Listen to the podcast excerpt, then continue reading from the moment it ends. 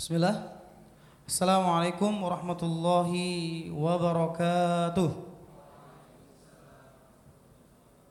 Innal hamdalillah nahmadu wa nasta'inuhu wa nastaghfiruh wa na'udzu billahi min sururi anfusina wa min sayyiati a'malina may yahdihillahu fala mudilla lahu wa may yudlilhu fala hadiya lahu. Asyhadu an la ilaha illallah wa asyhadu anna Muhammadan abduhu wa rasuluh nabiyya wa la rasula ba'dah.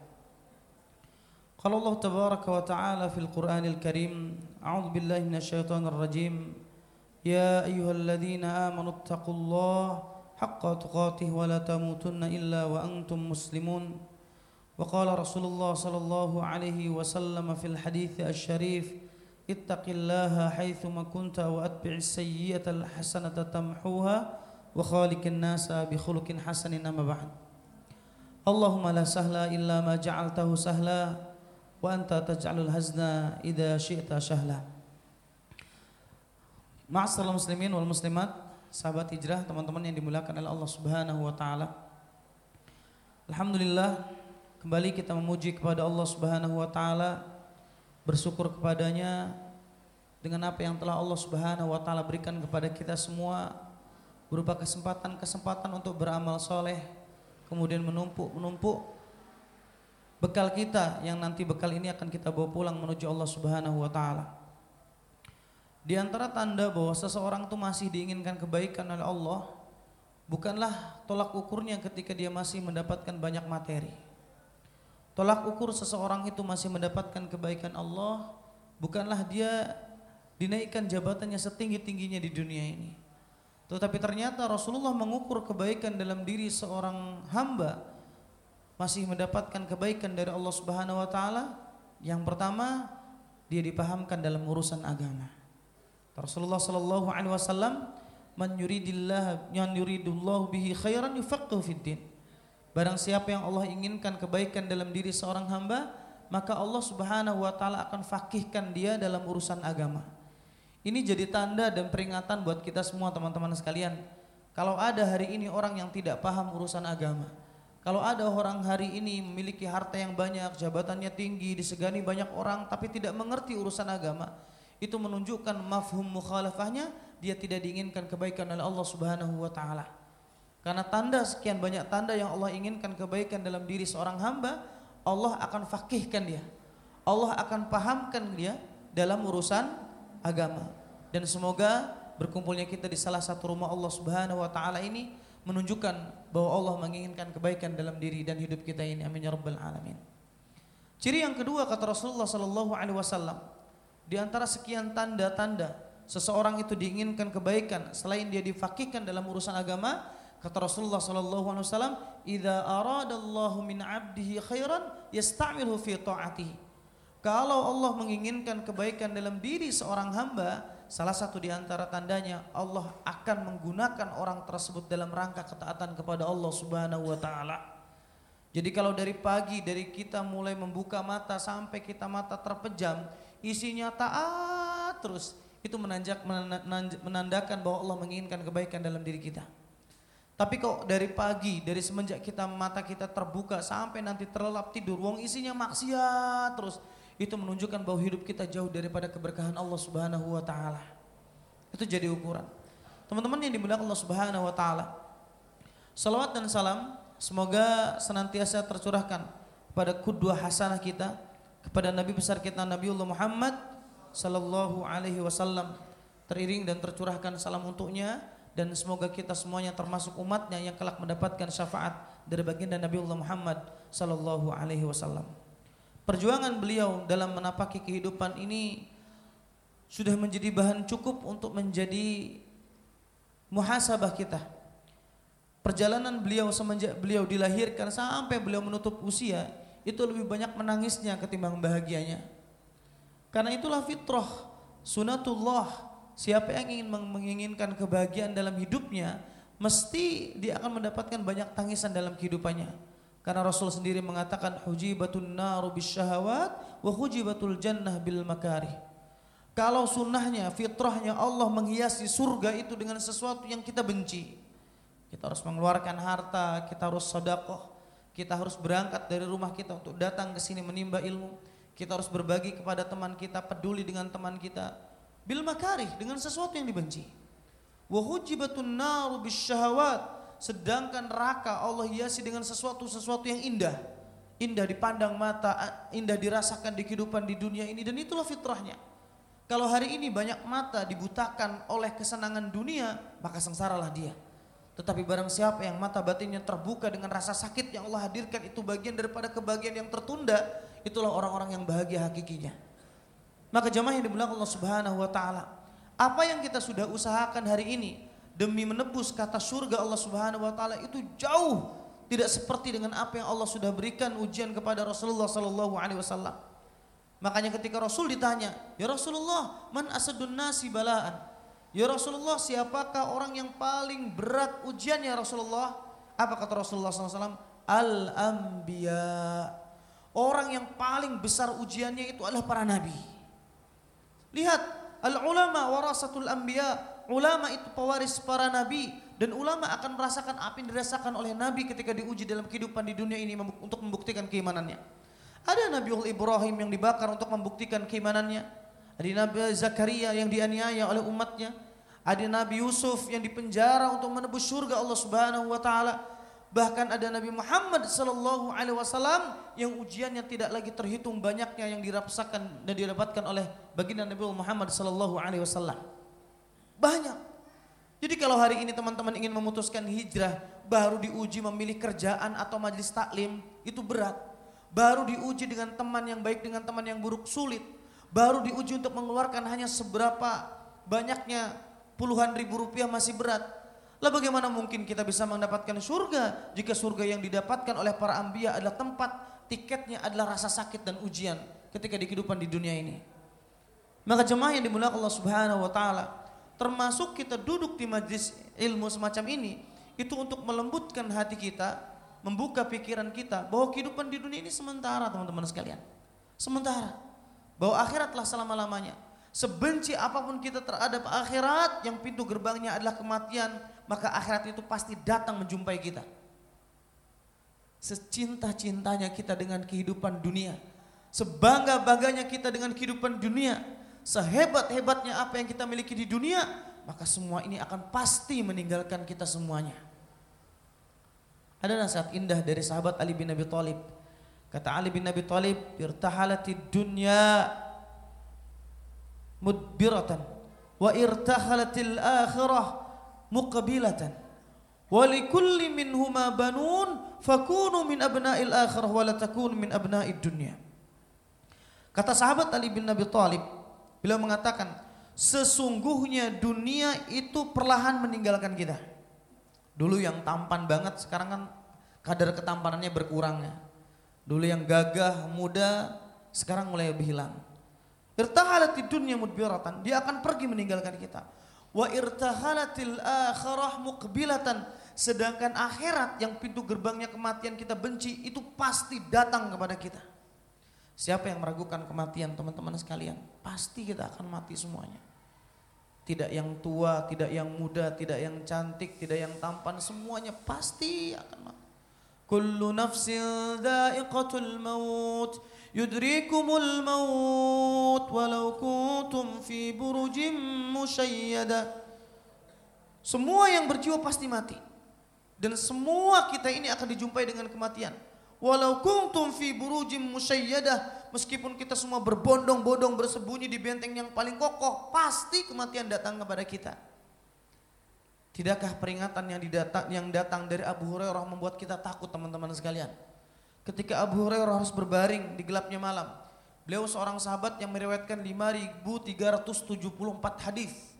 Ketika beliau di, di tempat pembaringan beliau menangis. Ditanya oleh para sahabat yang lain, "Wah, sahabat yang lain kenapa engkau menangis wahai Abu Hurairah?" Engkau adalah sahabat yang mulia, engkau banyak meriwayatkan hadis, kenapa engkau harus menangis? Kata Abu Hurairah, Wallahi demi Allah, saya tidak pernah menangis karena urusan dunia kalian. Saya tidak pernah menangis karena istri saya akan saya tinggalkan. Saya tidak pernah menangis karena perusahaan saya akan tinggalkan. Saya tidak pernah menangis karena dunia ini akan tinggalkan. Tetapi saya menangis karena saya tahu perjalanan menuju akhirat itu begitu panjang. Perbekalan saya sangat begitu sedikit, sedangkan saya tidak tahu kalau nanti pulang ke surga atau ke neraka. Insya Allah. Itu Abu Hurairah. Bayangkan dengan kita yang banyak mainnya ini loh. Bayangkan dengan kita yang banyak tertawanya ini loh. Bayangkan dengan kita yang banyak lalainya di kehidupan di dunia ini. Apakah kita sudah siap ketika malaikat maut datang dan ingin merenggut nyawa kita? Apakah kita sudah siap ketika malaikat maut menggandeng kita kemudian memasukkan kita ke dalam neraka? Waliyahzubillah. Maka hari ini kalau kematian itu pasti datang, maka yang perlu kita lakukan hanya mempersiapkan. Mempersiapkan karena kita pasti semuanya akan dijemput dengan satu hal kepastian bernama kematian. Dan semoga berangkatnya kita malam hari ini berkumpul di salah satu rumah Allah ini menjadi buah bekal kita yang nanti kelak akan kita bawa menuju surga Allah Subhanahu wa taala. Amin ya rabbal alamin. Nah teman-teman yang dimuliakan Allah subhanahu wa ta'ala. Pembahasan kita masih berkaitan dengan masalah adab. Lebih spesifik membahas tentang adab talib ma'a. Adab seorang murid kepada gurunya. Adab adalah perhiasan yang mulai hilang di zaman hari ini. Betapa banyak kita jumpai para penghafal Quran, para penghafal hadis, mutakharrij alumni-alumni apa namanya universitas-universitas terkemuka, alumni pesantren ternama dengan kapasitas keilmuan yang luar biasa. Tapi banyak di antara kita yang melupakan satu hal yang menjadikan penuntut ilmu itu mulia. Apa? Adab. Adab. Kalau Ali bin Abi Thalib mengatakan, "Alimuhum, adibuhum, muallimuhum." Ajarkanlah adab kepada keluargamu, baru belajar baru ajarkan ilmu.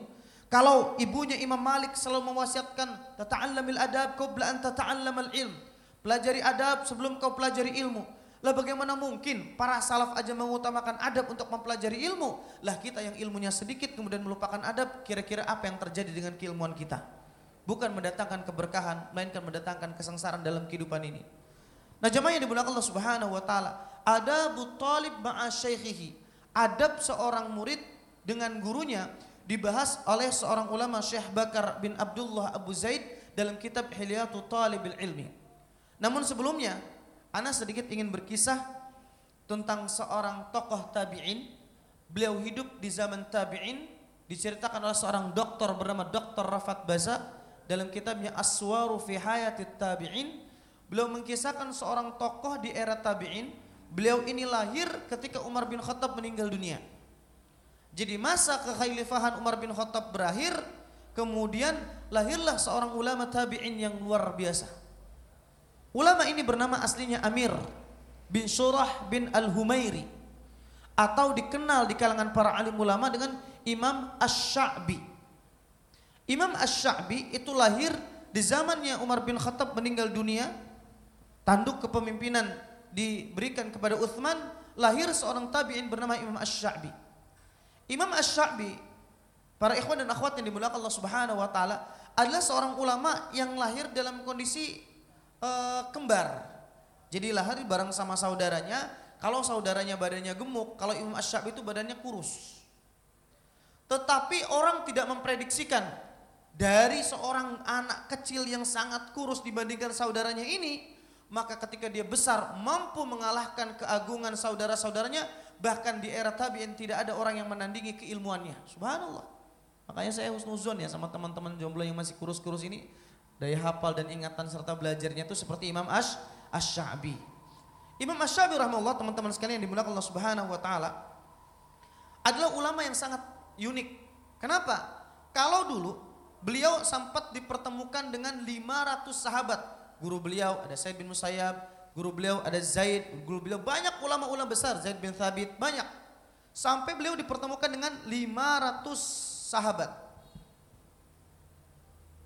500. Anak tanya, kita banyak bercita-cita ingin menjadi ulama. Wong guru kita satu aja belum kelar dihabiskan ilmunya, sedangkan beliau sudah menghabiskan, sudah bertemu dengan sahabat 500 sahabat. Bahkan beliau pernah menimba ilmu langsung dengan ibunda Aisyah radhiyallahu anha. Imam Ash-Sya'bi. Imam Ash-Sya'bi rahimahullah adalah ulama yang sangat-sangat luar biasa. Kalau di kalangan para sahabat itu ada halakohnya seperti Abu Hurairah, ada halakohnya Ibnu Mas'ud, ada pengajiannya sahabat-sahabat yang lain. Imam Ash-Sha'bi padahal tingkatannya tabi'in, tetapi beliau punya majlis sendiri. Masya Allah. Jadi para sahabat masih ada, ini kan ada sahabat. Turun namanya tabi'in. turun lagi namanya tabi'ut tabi'in. Inilah yang disebut dengan generasi salaf. Salaf. Adapun orang yang mengikutnya namanya salafi. Bukan terikat ormas ataupun lembaga. Selagi orang tersebut mengikuti pola beragamanya sahabat, tabi'in, maka tabi'ut tabi'in dialah salafi yang sesungguhnya. Inilah salaf. Hayrul kurun qarni. Ini dalilnya. Sebaik-baik generasi adalah generasiku. Thumma alladhina yalunahum. Thumma alladhina yalunahum. Kemudian setelahnya, kemudian setelahnya. Dan inilah disebut dengan hayrul kurun. Sebaik-baik generasi dalam beragama. Ada sahabat, ada tabi'in, ada tabi'ut tabi'in. Ini salaf. Nah, Imam Ash-Sya'bi ini ada di sini. Di tabi'in. Kalau tabi'ut tabi'in ada ulama yang masyhur kaya tampan mujahid namanya Abdullah ibnu Mubarak. Abdullah ibnu Mubarak. Di sini. Kalau sahabat Umar, Uthman, Ali, Abu Hurairah di sini levelnya. Imam Asy-Syafi'i di sini, di era tabi'in. Nah, Imam Asy-Syafi'i rahimahullah, sahabat masih hidup bahkan beliau bertemu dengan 500 sahabat. Salah satu di antaranya masih menimba ilmu dengan ibunda Aisyah radhiyallahu anha tapi uniknya Imam Ash-Sha'bi punya majlis sendiri. Kira-kira kalau ilmunya Imam Ash-Sha'bi belum kokoh, tidak mungkin Imam Ash-Sha'bi diperkenankan untuk membuka majlis ilmu, betul? Inilah yang akan kita bahas. Imam Ash-Sha'bi adalah ulama yang sangat-sangat luar biasa. Selain beliau fakih, alim, beliau juga ulama yang sangat cerdas. Contoh, satu ketika, ketika khalifahnya Abdul Malik bin Marwan, Imam Ash-Sha'bi diutus ke uh, Raja Romawi Anda lupa nama orang rajanya tuh. Nah ketika uh, diutus ke Raja Romawi namanya Justinia kalau tidak salah. Diutus, maka sang Raja Romawi ini begitu kagum dengan utusannya Abdul Malik bin Marwan. Ini orang kok cerdas banget. Bahkan ketika beliau ingin pulang ditanya oleh orang Romawi, apakah kamu memiliki nasab sampai ke raja-raja? Tidak, saya hanya kaum muslimin biasa. Oh ya sudah kalau gitu sebelum pulang tolong berikan surat ini kepada khalifahmu Abdul Malik bin Marwan. Ketika diberikan surat tersebut kepada Abdul Malik bin Marwan, dipegang, Imam Ash-Sha'bi kemudian pergi, tiba-tiba teman-teman yang dimuliakan Allah Subhanahu wa taala, si amplop tersebut dibuka oleh Abdul Malik bin Marwan. Udah, dipanggil lagi Imam Ash-Sha'bi, tolong ke sini. Ketika sampai, saya ya Sayyidi, wahai saya tuan, iya kenapa ya khalifah? Tahukah kamu Raja Romawi itu menulis apa? Bingung aja. Tidak tahu wahai khalifah. Imam Abdul Malik bin Warman atau Khalifah Abdul Malik bin Warman mengatakan sesungguhnya Raja Romawi tersebut menulis sebuah kalimat, kalimatnya apa mungkin ada orang yang secerdas Imam Ash-Sha'bi, ada khalifah yang lain. Kenapa enggak Imam Ash-Sha'bi gitu? Kemudian Imam Ash-Sha'bi dengan tawadunya mengatakan, Duhai khalifah, andai kata Raja Romawi itu pernah berjumpa denganmu, tentu Raja Romawi tidak akan pernah berani menuliskan bahwa saya lebih mulia darimu. Kata Abdul Malik bin Marwan, tahukah wahai engkau, wahai Imam Ash-Sha'bi, kenapa Raja Romawi tersebut menulis kalimat tersebut? Kenapa? Karena Raja Romawi hendak membuat aku emosi sehingga aku membunuhmu. Karena dirimu adalah orang yang sangat begitu luar biasa menurut Raja Romawi. Jadi ceritanya diadu dom, domba. Masya Allah. Itu luar biasanya Imam Ash-Sha'bi. Nah, Imam Ash-Sha'bi ulama yang sangat luar biasa. Bahkan beliau ulama yang sangat humoris. Salah satu di antara seorang ulama yang pernah ditanya oleh jamaahnya dengan pertanyaan konyol adalah Imam Ash-Sha'bi. Anak kayak pernah ditanya, Ustaz, uh, uh, berapa jumlahnya bintang-bintang yang ada di langit? Nah pertanyaan kan konyol. Anak jawab aja, sejumlah butiran pasir yang ada di pantai kan gitu. Imam Ash-Sha'bi pernah ditanya, ya, ya Imam Tak, kalau engkau memang orang yang fakih, sebutkan siapa nama istrinya iblis. Apa jawaban beliau? Beliau mengatakan, saya belum pernah menghadiri walimahnya. Insya Allah. Tuh, belum pernah menghadiri walimahnya. Nah teman-teman yang dimuliakan Allah Subhanahu Wa Taala, Ustaz, apa? Kenapa dimukodimah oleh Imam Ash-Sha'bi? Karena Imam Ash-Sha'bi itu memiliki kekuatan ilmu yang luar biasa. Ini jadi contoh generasi muda hari ini. Pernah satu ketika Imam Ash-Sha'bi ditanya, ya Imam Ash-Sha'bi, dari sekian banyak disiplin ilmu, ada akidah, fikih, sirah, hadis, ada tafsir. Ada nggak disiplin ilmu yang engkau tidak senangi? Ada kata Imam Syafi'i. Ilmu apa? Ilmu tentang syi'ri, ilmu tentang syair. bait-bait syair. Tapi kata Imam Ash-Syabi, tapi kalau mau ngetes hafalan saya, satu bulan berturut-turut saya tidak mengulangi ungkapan tersebut. Jadi ada disiplin ilmu yang tidak beliau senangi sejenis ilmu syair, tapi kalau dites hafalan syairnya, satu bulan berturut-turut gak berhenti-berhenti, itu hafalannya masih ada. Itu disiplin ilmu yang tidak disenangi, hafalannya satu bulan gak habis-habis. Saya tanya sama antum semua, ada nggak hafalan hadis antum miliki? Lima menit aja nggak habis-habis gitu. Makanya di sini anak cuma nyebutin coba siapa yang bisa nyebutkan lima hadis saja. Lima hadis. Jangan satu bulan, lima hadis. Insya Allah dapat hadiah spesial dari anak. Akhwat ataupun ikhwan. Contoh satu saat saya hafal hadis letak kulum bishimal fa inna syaitan ya'kulu bisimal masalah tariqan yaltamisu fihi ilman sallallahu lahu bi jannah. Ada lima aja hadis itu udah luar biasa. Imam Asy-Sya'bi disiplin ilmu yang paling tidak beliau sukai adalah ilmu syair. Tetapi kalau dites hafalan ilmu syairnya bisa nyampe satu bulan didengarnya. Masya Allah itu cerdas luar biasa.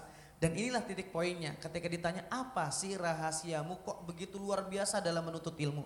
Ini yang akan saya sampaikan sebagai mukodimah untuk ada menuntut ilmu ini. Pertama, beliau memberikan nasihat dengan ungkapan kalau kita ingin sukses menuntut ilmu, ingin sehebat Imam Ash-Sha'bi, kata beliau apa? Satu, binafil i'tiqad.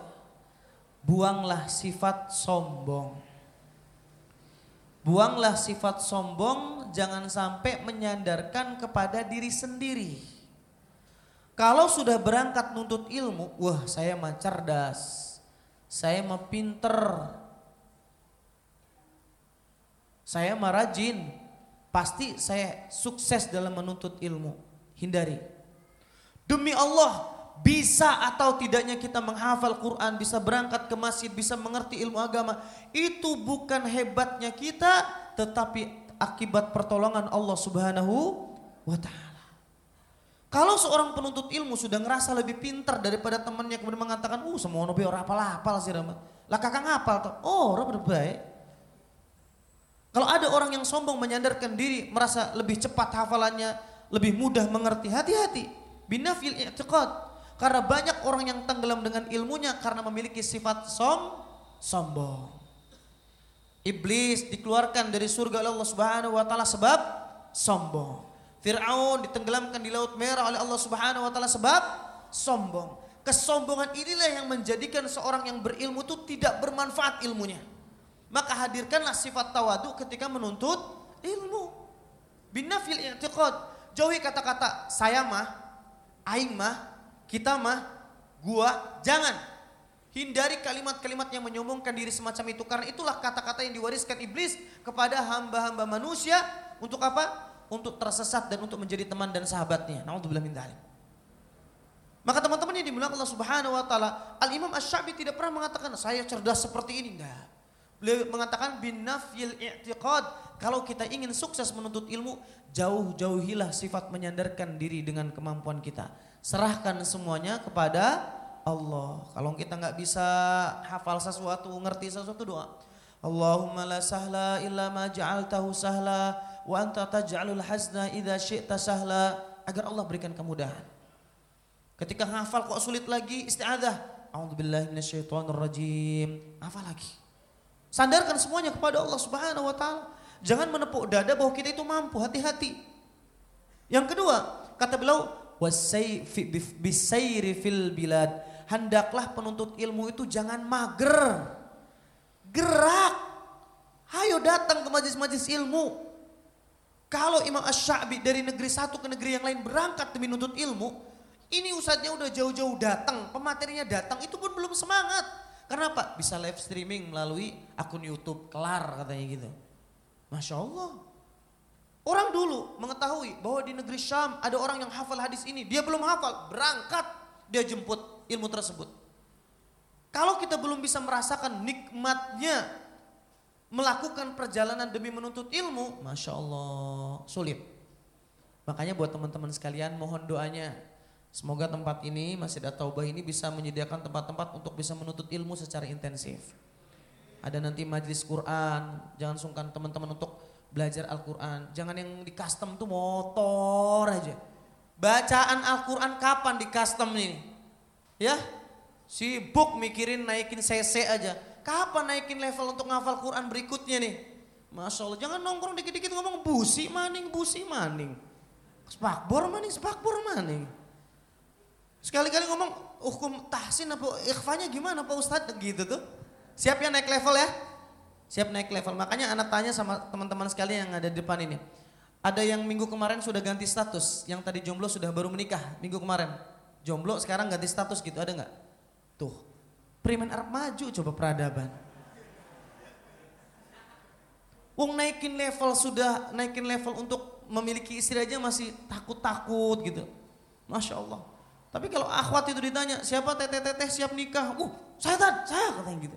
Coba yang ikhwan anak tanya. Di sini yang siap menikah cuma tangan coba. Tuh siap menikah satu dua. Wih, wih Bang Daniel ngangkat tangan. Subhanallah. Wih yang tuh. Uruk gimana? Wih. Nah itu jadi teman-teman yang di belakang Allah Subhanahu wa taala nuntut ilmunya kita naik level. Sampai kapan kajinya tematik? Terus kapan buka kitabnya? Kapan belajar bahasa Arabnya? Kapan belajar tahsin tajwidnya? Kalau kita pengajiannya cari aman. Oke, hari ini kita kajian tematik. Judulnya ada apa dengan cinta? Wow, rame. Ketika sudah diganti dengan kajian tahsin, mundur rapih. Set, belakang. Afan Ustaz, anak ada perluan afan. Sampai dua orang doang. Masya Allah, jadi naik levelnya. Teman-teman yang dimulakan Allah Subhanahu Wa Taala, Kata Imam Ash-Sha'bi, yang kedua, tips dan kiat yang beliau berikan agar kita sukses dalam menuntut ilmu, hendaknya melakukan safar untuk menuntut ilmu. Ayo dong gerak, jangan mager. Jangan mager datang untuk menuntut ilmu, datang ke ustadznya, ustadz saya pengen belajar tahsin, ustadz saya pengen belajar fikih, ustadz saya pengen belajar ini penting. Bagaimana dengan dunia ustadz, kita nanti akan ketinggalan. Wallahi la. Kalau kita mengejar akhirat, dunia itu datang sama kita. Kalau nggak percaya, silahkan buktikan. Tapi kalau kita yang sudah fokus untuk mengejar dunia, jangankan di sampingnya, kita akan ditinggalkan oleh dunia oleh dunia tersebut. Jauh. Ya, maka teman-teman yang dibilang Allah Subhanahu wa taala, dunia itu seperti bayangan. Semakin kau kejar dia semakin menghindar. Tapi ketika kau berbalik arah arah dan kau tidak fokus dengan bayangan tersebut, kau lari ke arah yang berbeda, dia yang akan mengejar kita sendiri. Akhir-akhir begitulah dunia. Jadi hari ini semangat nuntut ilmu, Semangat. Oke, nanti kita akan naik level setelah kita belajar adab kita naik level lagi. Masih ada gak kumpul-kumpul seperti ini? Jangan-jangan udah masuk kajian akidah, kajian tauhid, rontok lagi. Tapi memang sudah sunatullah. Anak dulu waktu masuk pesantren jumlahnya sampai 30-an satu kelas. Lulus cuma sekitar 12 atau 16 orang. Kata Ustadzana bilang gini, nanti Allah yang akan apa namanya akan memilih antum semuanya. Tidak semuanya masuk 30 keluar 30. Ya Ustadz silakan dasar yang dirinya sampah, dia akan tersisih di samping di pinggir-pinggir pantai dia nggak bermanfaat. Dasar dia batu, dia akan tenggelam. Dasar dia gabus, dia akan timbul di permukaan. Dan itulah sudah sunatullah. Siapa yang jujur dengan cita-citanya menuntut ilmu, dia akan tersisa sampai kapan pun di majlis ini. Tetapi barang siapa yang tidak jujur untuk menuntut ilmu, dia akan terhindar dan tersingkir. Hanya orang-orang yang mukhlis, yang jujurlah yang berada di sini. Dan itu memang berat teman-teman sekalian di Allah Subhanahu wa taala. Yang ketiga, di antara tips yang beliau bagi agar kita menjadi seorang penuntut ilmu yang sukses. Pertama, apa tadi yang pertama? Nafil i'tiqad, buang sifat menyadarkan terhadap diri sendiri atau ringkasnya jangan som sombong. Para akhwat ini ada nggak di belakang akhwat? Kedua apa akhwat? Enggak ada suaranya. Oh nyala nyala. Fisairi fil bilad melakukan safar ke negeri-negeri. Artinya jangan mager untuk menuntut ilmu. Semangat lagi untuk menuntut ilmu. Yang ketiga, bisabrin sabril jamad. Hendaknya para penuntut ilmu tuh sabar seperti sabarnya benda mati. Kalau ustaznya belum kelar memberikan penjelasan, duduk. Wong ini belum ngucapin salam udah satu-satu keluar. Sabar ngadepin ustaznya. Ya sabar ngadepin gurunya. Bener-bener seperti orang yang menanti tetesan embun di siang hari. Butuh banget dengan tetesan ilmunya. Kalau hari ini kita duduk bermajelis ilmu nggak sabar, uh, Ustaz ngejelasin muter-muter aja nggak belum kelar-kelar. Akhirnya kita pergi, sabar. Nanti kita akan temukan bermacam-macam tipikal seorang guru, seorang mu'alim, seorang mentor dalam majelis ilmu. Maka kita dituntut untuk sabar. Makanya Imam Syafi'i mengatakan di antara syarat sukses menuntut ilmu kata Imam Syafi'i adalah wasuhbatul ustad. Bergaulah dengan ustadnya. Nanti antum akan temukan ada seorang ustad yang galak, ada ditemukan seorang ustadz yang ramah, bermacam-macam. Dan kita dituntut untuk sabar menemani seorang us, ustadz. Karena tetap akan ada ilmu-ilmu yang kita akan dapatkan dari beliau. Sabar. Jadi hari ini tolong sabar. Ustadz kapan naik level belajar fikirnya? Nanti sabar dulu nih, bertahap. Karena banyak orang-orang yang tidak sabar menuntut ilmu ingin loncat ke taraf berikutnya naik level tanpa naik tangga dulu ini kan repot. Yang keempat, bibukrin kal bukuril uh, kal bukuril gharab hendaklah seorang penuntut ilmu memiliki sifat semangat dalam menuntut ilmu seperti gesit dan semangatnya seekor burung. Pernah gak antum jumpai ada seekor burung bangun pagi hari malas banget. Burung apa yang burung gereja misalkan bangun lemas banget. Cari makan juga lemas, terbangnya nyantai, galau. Ketika ditanya kenapa? Masih sendirian Ustaz katanya gitu. Galau. Enggak, seorang penuntut ilmu tuh harus memiliki sifat seperti burung. Dia gesit terbang dalam kondisi tagdu himasan wa turuhu bitonan. Dia pergi tagdu himasan, dia pergi dalam kondisi lapar, ketika pulang dalam kondisi kenyang. Seorang penuntut ilmu aib kalau ada ustadznya yang datang duluan. Siap on time? Ingat perhatikan ini keberkahan dalam menuntut ilmu. Aib seorang penuntut ilmu kalau ustadznya datang lebih dulu. Dan yang nunggu ustadznya bukan penuntut ilmunya, itu aib.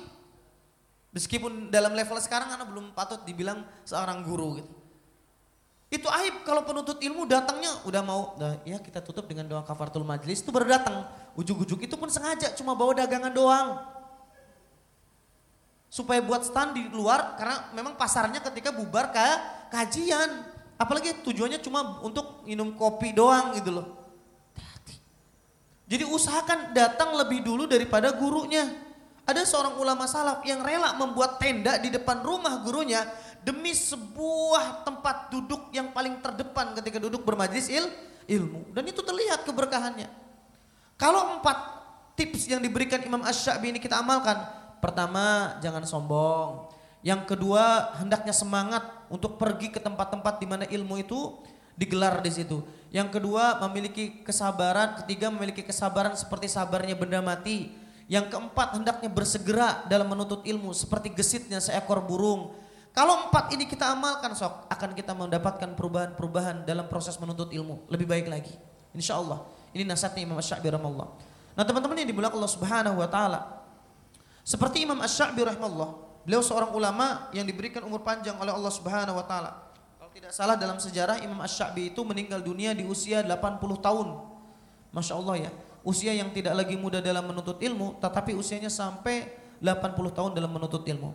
Nah, adapun pembahasan kita pokoknya ini mukodimah saja ya. Insya Allah pertemuan berikutnya kita akan bahas baru sampai selesai tentang adab e, menuntut ilmu bagi seorang murid kepada gurunya.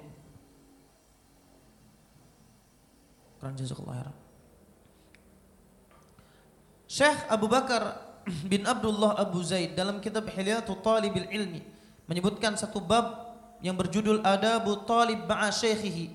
Adab seorang penuntut ilmu bersama gurunya. Yang ke, pertama adalah riayatu hurmati syekh. Adab yang pertama adalah hendaklah seorang penuntut ilmu itu satu, menjaga kehormatan gurunya. Dengan cara apa? Dengan cara memiliki adab yang baik setiap kali berjumpa dengan guru tersebut. Kata beliau, fa innal ilma la yu'khadu ibtida'an minal kutub bal labuda min shaykhin tutqinu alaihi mafatih at-talab lita'mana minal ithar waz zalal. Kata beliau sesungguhnya ilmu la yu'khadu ibtida'an minal kutub. Ilmu itu tidak diambil awal mulanya dari kitab-kitab karena hadis saja dibukukan bukan di zaman Rasulullah SAW langsung kan jadi pertama kali ilmu itu diambil bukan dari kitab-kitab. Kalau mungkin sekarang ilmu itu diambil bukan dari YouTube. Ilmu itu bukan diambil dari internet saja. Tetapi ilmu itu diambil dari siapa? Min syaikhin. Dari seorang gu, guru. Kalau antum tanya hukum sesuatu di Google bisa jawab. Tetapi antum tidak akan pernah bisa mempelajari adab dari googling. Dari mbah Google nggak bisa belajar adab. Makanya yang pertama kali jangan berhadapan dengan syekh Google tetapi berhadapan dengan syekhnya, dengan gurunya. Salah satu di antara sikap seorang penuntut ilmu, fahud bi jami'il adab ma'a syaikhika fi julusika ma'ah. Pertama, perhatikanlah ketika kita duduk bersama guru kita. Satu adabnya jangan duduk di tempat biasa duduk kita duduk apa guru kita duduk. Jangan, itu bukan adab yang baik seorang penuntut ilmu. Kemudian jangan duduk kemudian dengan tidak menjaga sikap. Karena para alim ulama mengatakan kalau Ali bin Abi Thalib itu pernah bilang, "Ana abdun ma'aman 'allamani harfan minal Qur'an." Kata Ali bin Abi Thalib, kalau saya itu sudah ketemu sama orang yang mengajarkan Al-Qur'an meskipun satu huruf kepada saya, saya selalu memposisikan bahwa saya itu seperti seperti budaknya di hadapannya. Bayangkan kira-kira budak kalau di hadapan Tuhan gimana sikapnya? Sopan tidak? Sopan, nggak mungkin kakinya di atas kepala kan mungkin? Nggak mungkin dia menjaga santun tutur katanya, duduk juga penuh lemah lembut karena berhadapan dengan gurunya. Ini yang banyak ditemukan ada seorang penuntut ilmu Masya Allah tidak menjaga adabnya. Ngobrol sama ustadznya tulak cangkeng, ustadz balik aja. Nah ini juga bukan adab yang baik. Kita akan sebutkan secara rinci nanti di pertemuan berikutnya berkaitan dengan bagaimana sikap yang baik sebagai seorang penuntut ilmu kepada gurunya. Pertama, perhatikan adab ketika duduk bersama seorang guru. Yang kedua, perhatikan adab ketika berbicara, tahaddusu ilaihi. Jangan sekali-kali memotong ucapan seorang guru. Ustaznya lagi ngejelasin, bismillah. Jadi hukum e, jual beli dengan seperti ini itu ini ini. Nanti dia langsung, kalau gini gimana Ustaz? Kalau gitu gimana Ustaz? Ini bukan adab yang baik. Tas takzin. Minta izin dulu. Apa Ustaz? Anak potong. Ke, kalau antum berkenan, anak potong ucapan antum sebentar ada yang ingin diungkapkan. Seperti itu. Subhanallah. Jadi indah betul kalau penuntut ilmu untuk keluar dengan membawa adabnya tadi. Pertama, adab ketika duduk bersama seorang guru. Adab ketika berbicara dengan seorang guru. Husnis su'al wal istima' adab ketika bertanya. Jangan sekali-kali tanya sama orang guru dalam rangka untuk memperbandingkan pendapat orang lain. Ustadz hukum ini gimana Ustadz? Hukum itu hukumnya seperti ini. Tapi menurut Ustadz ini, gak gitu Ustadz. Itu bukan adab yang baik. Tidak boleh. Apalagi bertanya kepada seorang guru niatnya ngetes. Coba tak takon nih, paham orang Ustadz kini.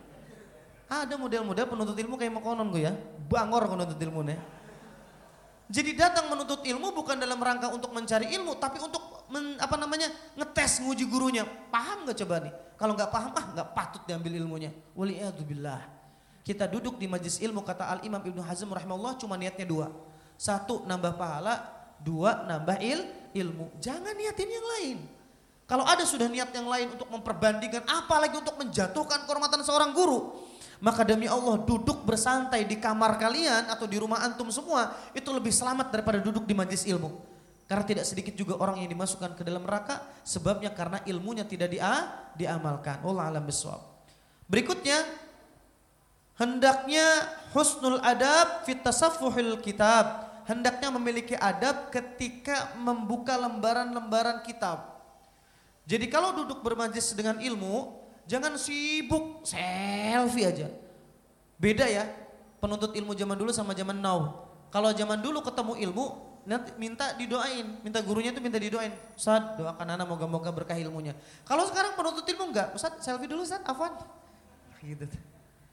Jadi bukan sibuk memperhatikan Ustadz yang menyampaikan materi, sibuk ngevlog. Semet, semet, semet, semet. Gas katanya gitu. Insyaallah. Sudah, itu bukan tujuan kita. Dakwah itu bukan tentang followers, bukan tentang followers, bukan. Ya, tetapi tentang seberapa manfaat ilmu kita dilahirkannya. Itu yang bermanfaat. Nah, teman-teman yang dimulai Allah Subhanahu wa taala, berikutnya hindari terlalu banyak berbicara dan ngobrol dengan seorang guru. Hindari. Jadi jangan sampai ketika si ustadz tersebut udah kelihatan letih, contoh lagi makan nih, sering banget terjadi adab yang buruk seperti ini. Misal anak mau makan, Bismillahirrahmanirrahim. Ustadz Afan mau tanya, oh iya kenapa Kang? Jadi hukum ini, ini seperti apa? Hukum ini seperti ini, seperti ini insya Allah. Ya udah kan ya udah, Bismillah. Ustadz Afan belum kelar, itu tibuka kan sesuai mungkin. Mau ngopi dari tadi nggak habis habis, tanya lagi, ditanya lagi. Bahkan ada seorang penuntut ilmu tengah malam sengaja nelpon ustadznya, Kirain perkaranya penting berkaitan dengan nyawa. Cuma dia nanya kalimatnya seperti ini. Ustadz izin bertanya Afwan mengganggu waktu istirahat antum. Ada apa Kang? Izin bertanya itu yang sohih kalau atahiyat terakhir digoyang-goyangin tangannya apa diem? Untung ustadznya nggak refleks. Kalau saya yang ditanya, saya tanya. Yang penting nggak maju mundur. Mah sahih, dua-duanya boleh diamalkan. Mau digerakin nggak jadi masalah, mau didiemin juga nggak jadi ma masalah. Hujahnya sama-sama kuat. Tapi ya Bo ditanyakan kok tengah-tengah malam gitu loh. Mengganggu pertempuran dan mengatur strategi perang aja gitu ya. Insya Allah ya Rob. Ini kadang-kadang nggak memperhatikan kalimat yang ingin ditanyakan. Kayak nggak bisa dinanti-nanti aja gitu loh pertanyaannya. Maka ini perlu diperhatikan bagi seorang penuntut ilmu. Ad mutaqaddumu alaihi bil kalam hindari mendahului seorang guru ketika berjalan atau ketika berbicara. Sering banget terjadi di WhatsApp. Ada seorang jamaah nanya di WhatsApp, di situ ada beberapa ustadz. Afan ustadz, hukum bertransaksi seperti ini hukumnya seperti apa? Itu yang paling cepat duluan jawaban bukan ustadznya. Betul nggak?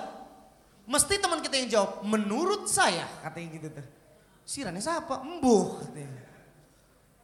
Ustadznya yang ditanya, yang jawab orang lain. Ini adab yang buruk. Umar bin Khattab ditanya satu hukum, Ashabul Badar dikumpulin. Umar hukum ini seperti apa? Orang Ashabul Badar yang ikut perang Badar itu dikumpulin. Bagaimana pendapat kalian tentang hukum ini? Bagaimana? Saking hati-hati ketika menja menjawab. Ada teman kita kadang-kadang ditanya di WhatsApp, yang ditanya ustadznya, yang jawab orang lain. Itu pun menggunakan jawaban ilmu copy pas paste. Orang dihapus pisan mending alamat WB. Copy paste. Barang ditakoni siranus mah curung, urung kata dia. Kopi paste doang kita mah. Hati-hati seperti itu. Ya, karena kita akan ditanyakan setiap apa yang kita uh, perbincangkan dalam urusan agama ini. Nah, teman-teman yang dimulai Allah Subhanahu wa taala, ini sekedar mukadimah aja ya. Karena abis ini ada kumpulan lagi. Ini mukadimah untuk bab berkaitan dengan adab. Insya Allah di pertemuan berikutnya Ana akan mengutip beberapa penjelasan dari Al Imam Az-Zarnuji dalam kitab Ta'limul Muta'allim itu berkaitan dengan praktek langsungnya bagaimana memuliakan seorang guru. Ada orang bertanya, Ustaz, bolehkah seorang penuntut ilmu itu mencium tangan seorang guru? Itu hukumnya mubah. Kalau niat dalam rangka untuk memuliakan seorang guru, fadl, itu diperbolehkan. Tapi kalau dalam rangka untuk mengkultuskan seorang guru, hukumnya haram. Apa mengkultuskan? Uh, pokoknya kalau sudah didoakan Ustaz Maharaji pasti terijabah. Itu sudah mengkultuskan, nggak boleh. Tapi kalau dalam rangka meminta keberkahan ilmu dan keberkahan doanya itu diperbolehkan. Diperbolehkan. Kalau ada pun seorang ustadz yang nggak nggak mau dicium tangannya dalam rangka untuk menjaga ketawaduannya, mas Quran. Tapi bukan menjadi hukum yang baku bahwa mencium tangan seorang guru itu hukumnya ha, haram. Berkaitan dengan mubahnya, masya Allah. Jadi teman-teman yang dimulakan Allah Subhanahu Wa Taala, kita ubah kebiasaan kita. Kalau yang dulu-dulu kita biasa ketemu guru itu selfie, sekarang kita sepakat jamaah kajian taklim cloud atau bah kalau ketemu guru sepakat kita minta didoa doain. Itu yang diajarkan oleh kaum muslimin. Para sahabat itu meminta meminta meminta doa di antara sahabat-sahabat yang lainnya. Umar tolong doakan kepada saya kepada Allah Subhanahu wa taala agar kebaikan agar kebaikan datang kepada saya. Ibnu Mas'ud mendoakan Bilal bin Rabah saling mendoakan Salman Al Farisi dengan sahabat uh, saling mendoakan. Masya Allah dengan Abu Darda saling mendoakan karena doa seorang sahabat yang tidak diketahui oleh sahabatnya mustajab. Itu mustajab. Anda doakan antum, tapi antum nggak nggak nggak tahu kalau anda doain, itu mustajab. Antum doakan anak, anaknya nggak tahu di doa antum, itu mustajab. Bidzahril ghaib kata para alim ulama. Jadi sekarang diubah kebiasaannya kalau kita ketemu seorang yang berilmu atau orang tua, perhatikan ada kita. Perhatikan ada kita. Ustaz kalau kita nyium orang yang lebih tua tangannya dengan kita boleh? Boleh, nggak jadi masalah. Tapi kalau dalam rangka mengkultuskan itu yang tidak diperbolehkan, apalagi tabarruk. Yang paling dibenci kata Syekh Bakar Abdul Zaid adalah dengan menjilat tangan seorang guru. Dalam rangka untuk tabarruk itu tidak diperbolehkan. Jadi yang diperbolehkan dalam rangka hanya untuk memberikan penghor penghormatan. Bukan berarti juga seorang murid yang tidak mencium tangan gurunya itu pun bukan tidak hor hormat. Itu jadi ada. Masya Allah. Maka teman-teman yang dimuliakan Allah Subhanahu wa taala, kalau ustaz-ustaz Anda nggak senang dicium tangannya. Tapi beberapa ustaz yang lain dia enjoy-enjoy aja nggak jadi masalah. Itu kan hukumnya mu mubah. Wallahu alam bisawab. Fadal, teman-teman yang dimuliakan Allah Subhanahu wa taala, Anda mohon maaf ya, agak sedikit keletihan ini untuk nyampaikan materi, tapi Anda ucapkan jazakumullah khairan. Terima kasih banyak antum sudah hadir di tempat ini. Tetap semoga Allah menganugerahkan eh, pahala yang begitu banyak kepada antum dan kepada kita semua tetap semangat menuntut ilmu. Insya Allah pembahasan berikutnya nah, akan mempersiapkan yang lebih matang lagi. Moga-moga dikasih tubuh juga lebih fit lagi. So bisa menyampaikan dan inilah kesabaran bagi seorang penuntut ilmu. Dicatat yang baik tentang kiat-kiatnya seorang tabi'in bernama Imam Ash-Sha'bi. Insya Allah pertemuan berikutnya kita akan membahas mengutip kitab Ta'limul Muta'alim pembahasan tentang bagaimana menurut Imam Az-Zarnuji adab seorang murid itu kepada gurunya. Karena orang yang sampai kepada keberkahan ilmu adalah orang yang memperhatikan adabnya kepada gurunya. Bifadli ilmihi wa ahlihi dengan mengutamakan ilmu dan juga gurunya. Barakallahu fikum. Tafadhol silahkan, Anda langsung pandu saja. Buat teman-teman yang ingin bertanya, silahkan menggunakan kertas atau akhwat juga fadul maskuran.